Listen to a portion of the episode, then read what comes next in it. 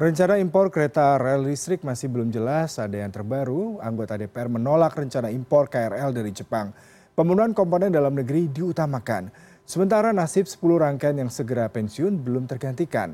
Alhasil nasib jutaan penumpang yang bergantung mobilitasnya pada krl terancam dan untuk membahas hal ini sudah bergabung melalui sambungan virtual bersama analis transportasi perkereta apian masyarakat transportasi indonesia aditya dwi laksana. Selamat pagi mas adit Selamat pagi Mas Yuda. Ya Mas Adit sepertinya kabar buruk ya pagi bagi kita pencinta kereta maupun angker anak kereta nih Mas ya.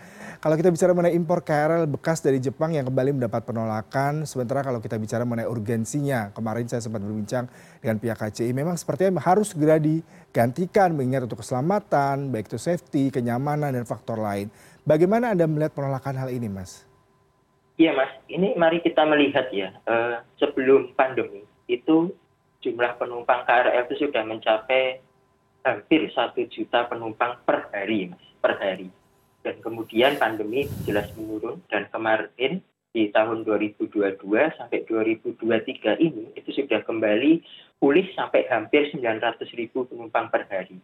Secara faktualnya, ketersediaan rangkaian KRL itu tidak bisa mengejar pertumbuhan atau pergerakan jumlah penumpang ini terlihat secara nyata kalau di pagi hari dan sore hari. Sampai dengan pagi hari sampai dengan pukul 9 itu penumpang masih berjejalan. Pukul hmm. 10 untuk mendapatkan tempat duduk juga masih sulit. Sore hari mulai pukul 4 sampai dengan pukul 7 itu juga masih berdesakan karena memang ada keterbatasan sarana. Ditambah lagi usia-usia KRL yang ada di Indonesia karena itu juga merupakan KRL bekas pakai dari hmm. Jepang pada umumnya, sehingga usianya juga tidak bisa dipertahankan terlalu lama. Hmm. Paling lama mungkin antara 10 sampai dengan 15 tahun di Indonesia, karena di negara asalnya di Jepang sudah digunakan 20, sekitar 20 tahun sampai dengan 25 tahun. Nah ini artinya ada beberapa rangkaian KRL yang sudah harus di pensiunkan atau sudah tidak lagi bisa eh, dipergunakan karena memang satu faktor usia memang sudah cukup usur. Kita lihat saja misalnya uh, saya sebutkan agak teknis sedikit KRL CR205 yang didatangkan di sekitar tahun 2014 itu saja usianya sampai sekarang sudah lebih dari 30 tahun. Nah artinya memang ada uh, dalam satu hal adalah kita harus mengejar ketertinggalan antara ketersediaan sarana dengan pergerakan jumlah penumpang. Kalau ditambah dengan ada KRL yang dipensiunkan tetapi tidak segera mendapatkan penggantinya, ya sudah pasti akan ada kekurangan armada dalam jumlah yang signifikan.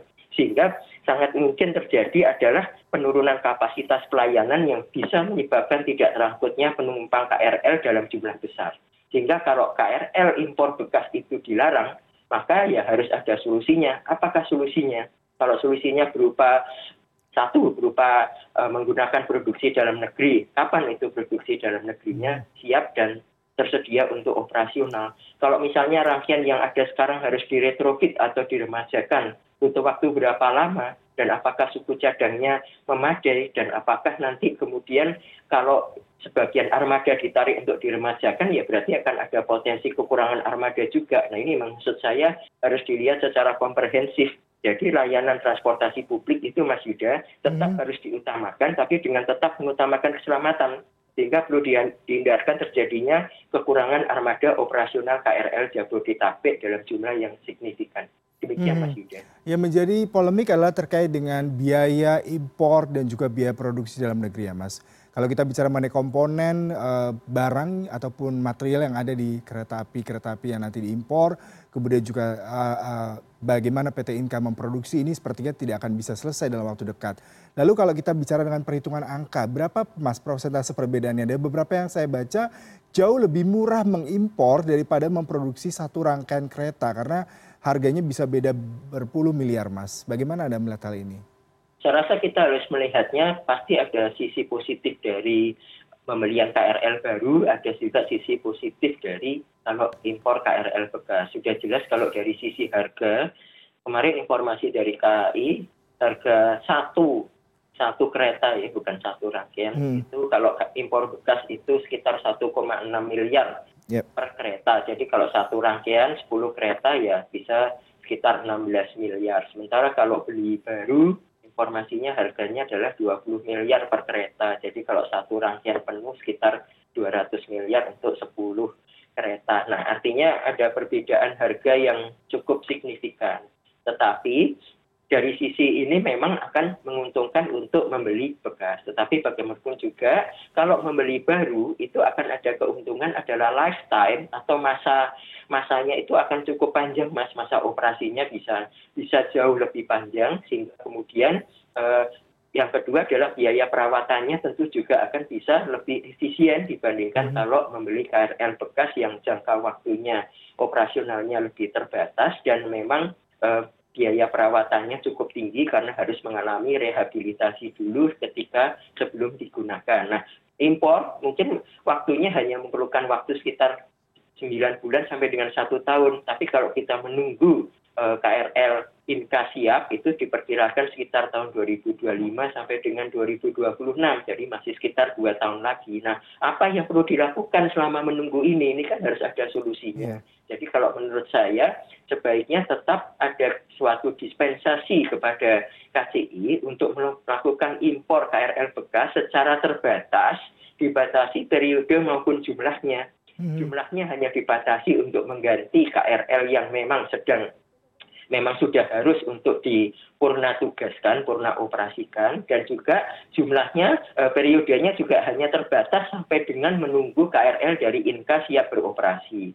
Tetapi ini ada satu hal yang penting juga Mas Yuda untuk dicermati. Kalau nanti kita benar-benar dilarang membeli KRL impor, bekas, kemudian kita harus menggunakan full produksi dalam negeri, itu tidak masalah karena itu akan bisa mendorong INKA untuk bisa mengembangkan produksinya dan memperbaiki kualitasnya.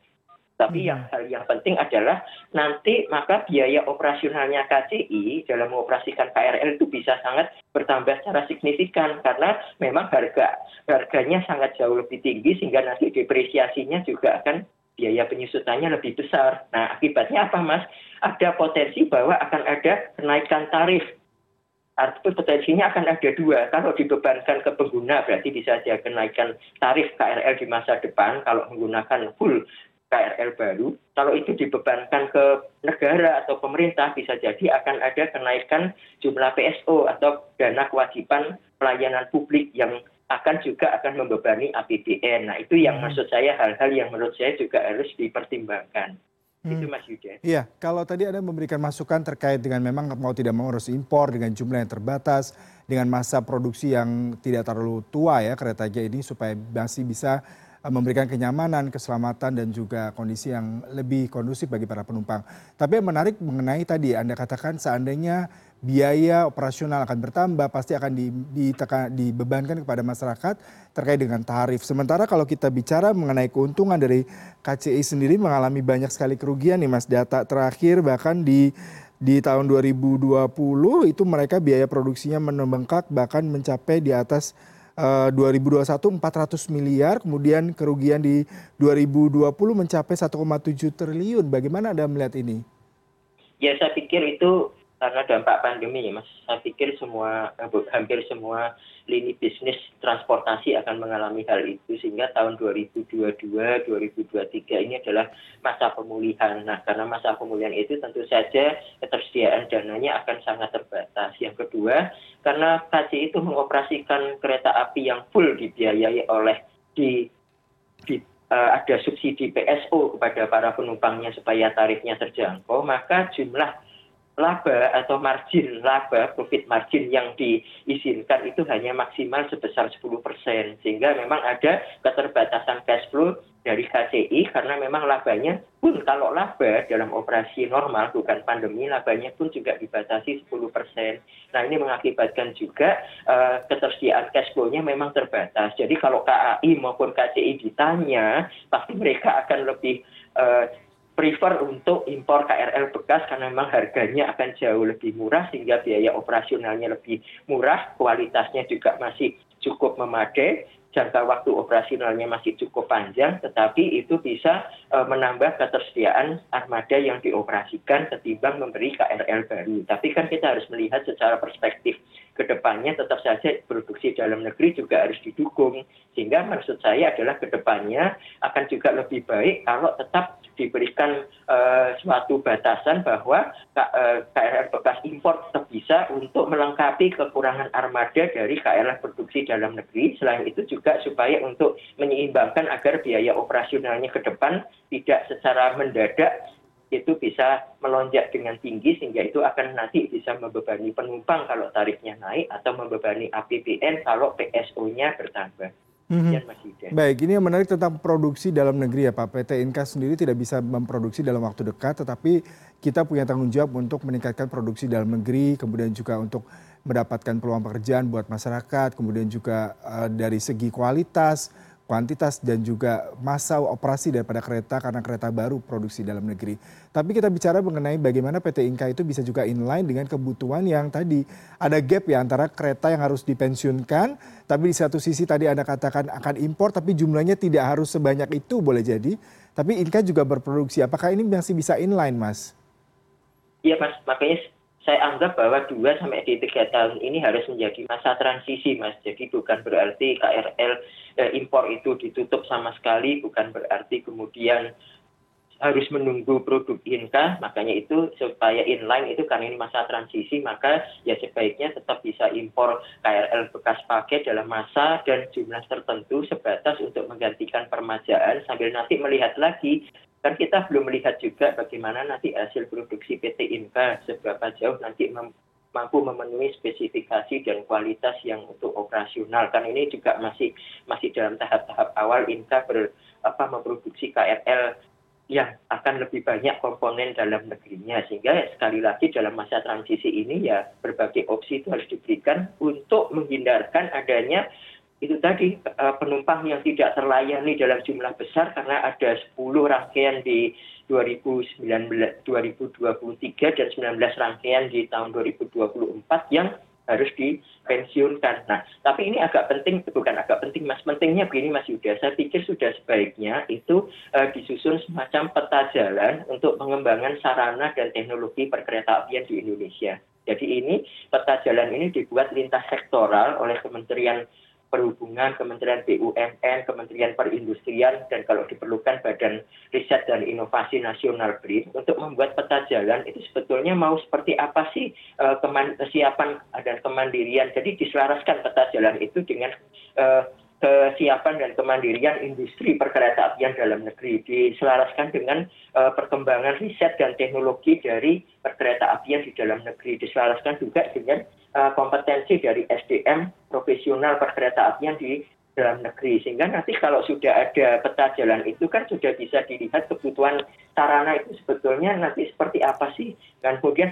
pemenuhan dari kebutuhan sarana itu mana yang bisa diremajakan mana yang cukup diretrofit mana yang harus dibeli baru, mana yang harus beli impor karena memang belum bisa mengejar kebutuhan. Nah, kalau ini kan sekarang seolah-olah Komisi 6 menyalahkan karena memang tiba-tiba seolah-olah dipojokkan karena harus beli impor bekas. Kalau enggak, para penumpang terlantar. Nah, saya pikir solusi strategisnya ke depan kalau ada roadmap mengenai pengembangan industri dan teknologi dan sarana perkereta apian itu setidaknya para pemangku kepentingan itu sudah punya kesepahaman yang sama sehingga tidak akan terjadi saling menyalahkan seperti ini. Ini tidak hanya berlaku untuk KRL, tapi juga bagaimana nanti MRT, LRT, kereta api cepat, bagaimana nanti bisa alih teknologi dan pemenuhan komponennya menjadi komponen ya. dalam negeri, misalnya begitu, Mas. Baik. Mas Aditya, terima kasih untuk perbincangannya dan rekomendasinya kasih, terkait mas. bagaimana kita melakukan restrukturisasi di industri perkereta apian di tanah air. Tadi sudah banyak sekali masukan yang menarik, mudah-mudahan bisa segera diimplementasikan. Selamat pagi, Mas. Salam sehat selalu. Terima kasih, Mas Yuda. Salam sehat.